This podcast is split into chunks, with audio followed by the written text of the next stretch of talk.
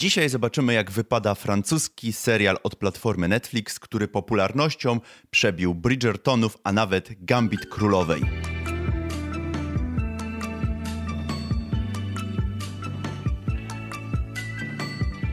Cześć, tutaj Rafał. Dzisiaj porozmawiamy sobie o francuskim serialu Lupin, czy chcąc być poprawnym Lupin, e, od platformy Netflix, od francuskiego oddziału platformy Netflix, który jest inspirowany prozą Maurice'a Leblanca.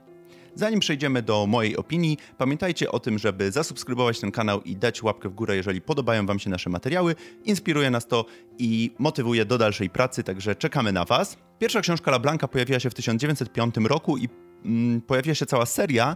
Y, postać stała się na tyle popularna, że dostała kilkanaście filmów, kilkanaście produkcji telewizyjnych czy scenicznych, y, a także pojawiła się w paru komiksach, chociażby u Alana Mura w Lidze Niezwykłych Gentlemanów, czy w grach wideo, takich jak na przykład Sherlock Holmes kontra właśnie Lupin, e, a także w Peronie 5. No a teraz doczekaliśmy się miniserialu od platformy Netflix, który jest niejako inspirowany prozą LaBlanca, ponieważ sama postać Lupena tutaj y, nie występuje. Historia opowiada o przygodach Asana Diopa, syna imigranta z Senegalu, którego ojciec pracował u bogatego biznesmena Huberta Pellegriniego.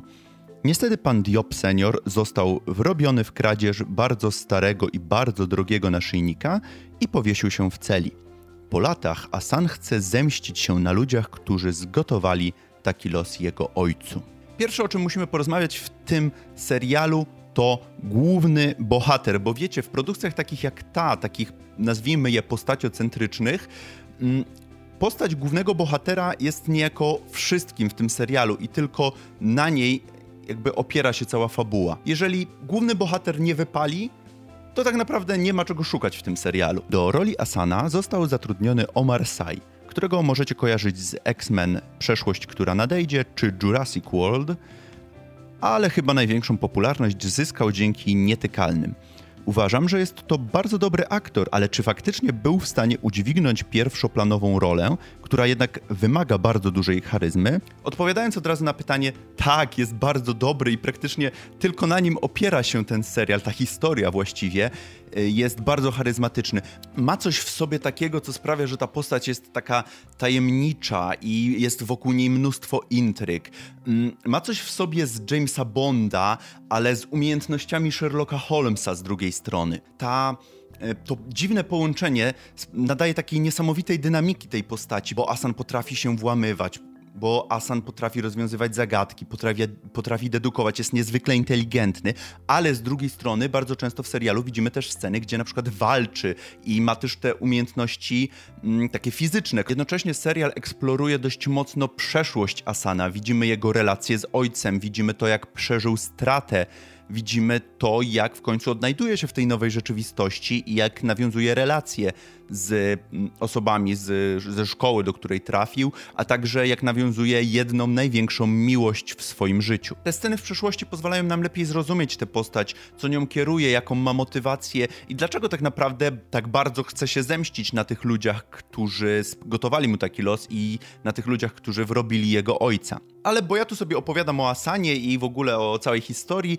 i pewnie w waszych głowach pojawiło się gdzieś z tyłu pytanie, okej, okay, ale gdzie ten Lupin? Widzicie, Ojciec Asana podarował mu w dzieciństwie książkę o dżentelmenie włamywaczu. Opowieść ta i inne z serii stały się niemal obsesją Asana, który znał je niemal na pamięć. Teraz, niemal 25 lat od tamtych wydarzeń, wykorzystuje postać Lupina, jako inspirację do pomszczenia ojca. Widzimy tutaj, jak stosuje różne techniki czy różne metody do wydostania się z różnych niebezpiecznych i nieprzyjemnych sytuacji, ale z drugiej strony mamy tutaj też tą sferę, gdzie on infiltruje na przykład wroga albo y, planuje, planuje napady. I uwierzcie mi, Omar Sy robi naprawdę fantastyczną robotę, sprzedaje nam tą postać całkowicie, bo w trakcie trwania fabuły y, Asan robi bardzo dużo rzeczy, które nie do końca by mogły, które nie do końca mógłby robić w prawdziwym świecie. Jest bardzo dużo bardzo przegiętych sytuacji, jak po obejrzeniu serialu się nad tym zastanowisz, no to część z nich jest wręcz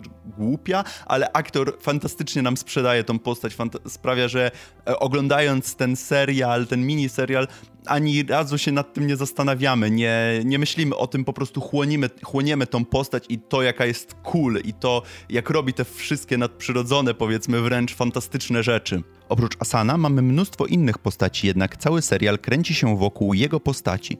To jego jest najwięcej na ekranie, to on kradnie każdą scenę ciągnie tak naprawdę całą historię. Wróćmy jeszcze do tych flashbacków, bo wiecie, jest ich naprawdę bardzo dużo w serialu i stanowią one bardzo często niejako rodzaj ekspozycji. I to może być mój zarzut do tego serialu, taki jeden naprawdę poważny, który mm, sprawia, że w fabule jest bardzo duże zamieszanie. No bo wiecie, mamy y, tą główną oś fabularną, gdzie mamy dorosłego Asana, mamy tą oś fabularną w dzieciństwie, te flashbacki z dzieciństwa, kiedy dowiadujemy się o tej całej sprawie z jego ojcem, o tych, y, o tych rzeczach w szkole. I mamy te flashbacki z początków kariery z Asana jako złodziejaszka, gdzie z Claire sobie żyją w Paryżu, jeszcze bez syna i jakby widzimy to, jak on zaczynał swoje, jakby, jakby, jakie są jego początki. I te flashbacki w żaden sposób nie są zaznaczone w fabule, przez co oglądając ją, jakby cały czas musimy się zastanawiać, czy to jest ta scena w tej przyszłości dalszej, czy w tej przyszłości tej nie, niedalekiej, czy to jest scena z teraz. E, wprowadza to taki, taki zamęt i sprawia, że czułem się trochę zagubiony w tej fabule. To jest związane z tym, że twórcy przyjęli dziwną strategię nakręcenia całego 10-odcinkowego sezonu i podzielenia go na dwa mniejsze, z czego teraz dostaliśmy część pierwszą, a drugą dostaniemy latem tego roku. Myślę, że gdyby zdecydowano się na wypuszczenie całości naraz, można by te wątki bardziej rozciągnąć i nie kondensować ich aż tak bardzo, żeby móc opowiedzieć jakąś sensowną historię w pięciu odcinkach. Oczywiście, gdyby twórcy poszli tą drogą, to oczywiście można by wystosować zarzut, że e, niektóre odcinki są niepotrzebne albo za bardzo rozwleczone. No cóż, wiecie, no nie każdemu się dogodzi. To nie jest mój problem jakiś bardzo z tym serialem, niemniej jednak ja bym to zrobił inaczej. Mimo wszystko trzeba przyznać twórcom, że dzięki temu, jak widzimy, przez co przechodził bohater i co przeżywa teraz, łatwiej jest nam się z nim utożsamić, współczuć czy mu kibicować, mimo że wiecie, jest złodziejem i teoretycznie nie powinniśmy tego robić. Pierwszy odcinek w ogóle tego serialu kupił mnie w całości, bo jest takim połączeniem trochę Mission Impossible z serią Ocean, z, z serią Iluzja. Dużo tutaj planowania napadu, dużo nawiązań w ogóle do tych filmów ala szpiegowskich powiedzmy. Ym, I to jest bardzo fajne. Tutaj bardzo dużo motywów jest wziętych z tych filmów. I nie chcę powiedzieć, że to jest źle, że twórcy tutaj poszli na łatwiznę. Nie, to jest bardzo fajnie przetworzone i mm, stanowi wartość dodaną do tego serialu i sprawia, że ktoś, kto jest w stanie powiązać te odniesienia, jest y, do, no, stanowi to dodatkowy atut i dodatkową frajdę z tego serialu. Dodatkowo te motywy, tak jak już powiedziałem, są przetworzone i nie są jeden do jeden wzięte z tamtych filmów, trochę właśnie na modułę francuską, przez co nie wydają się wyświechtane czy zużyte, tylko bardzo świeże. Zawsze w historiach tego typu macie intrygę za intrygą, akcję za akcją, policja jest wprowadzana w pole, ale także gdzieś jest ta jedna osoba, która powoli, powoli łączy wątki, stając się nie lada zagrożeniem dla naszego bohatera. Nie inaczej jest w tym przypadku. Również mamy policjanta odsuniętego od sprawy, który przez cały sezon zaczyna łączyć akcje, które dzieją się w fabule z nawiązaniami do książek LaBlanca. Wspominam o tym, żeby powiedzieć wam, że ten serial nie jest niczym odkrywczym, nie jest czymś, co zmieni, zre zrewolucjonizuje mm, seriale.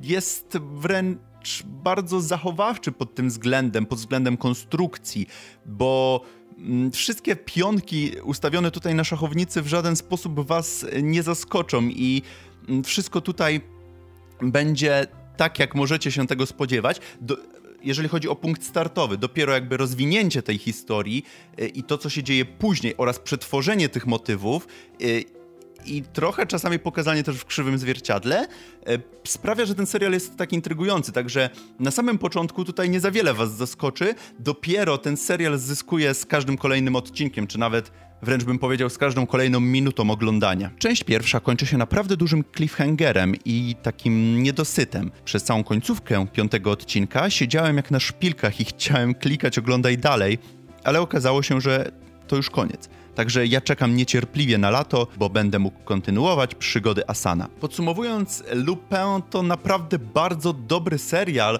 dla ludzi, którzy lubią takie klimaty właśnie sherlockowskie, trochę detektywistyczne, trochę szpiegowskie. Jeżeli miałbym do czegoś porównać ten serial, to byłby to chyba Sherlock z Benedictem Cumberbatchem i Martinem Freemanem. Też mamy tutaj historię osadzoną we współczesności, też mamy tego klasycznego bohatera pokazanego w tej współczesności i te wszystkie motywy z tamtych książek przerobione na modułę współczesną. Dodatkowo a Sun jest bardzo charakterologicznie podobny właśnie do Sherlocka Holmesa. Może nie jest aż tak bucowaty, ale jest też piekielnie inteligentny i ma tą moc, powiedzmy, dedukcji. Chciałem jeszcze powiedzieć, że cieszę się, że coraz więcej produkcji nieanglojęzycznych wypływa jakby na wierzch i coraz więcej tych produkcji e, jest docenianych na arenie międzynarodowej. Chociażby w ostatnim czasie mieliśmy fantastyczne 30 srebrników, które możecie oglądać na HBO Go. Teraz mamy Lupin, a już niedługo dostaniemy od Netflixa pewną space operę z Korei Południowej. Tyle ode mnie, dajcie znać w komentarzach, czy, po, czy oglądaliście w ogóle pierwszy sezon Lupin, e, czy w ogóle, czy podobał wam się. Myślę, że na pewno gdzieś tam słyszeliście o tym serialu, ponieważ jest od kilku tygodni w top 10 na polskim Netflixie.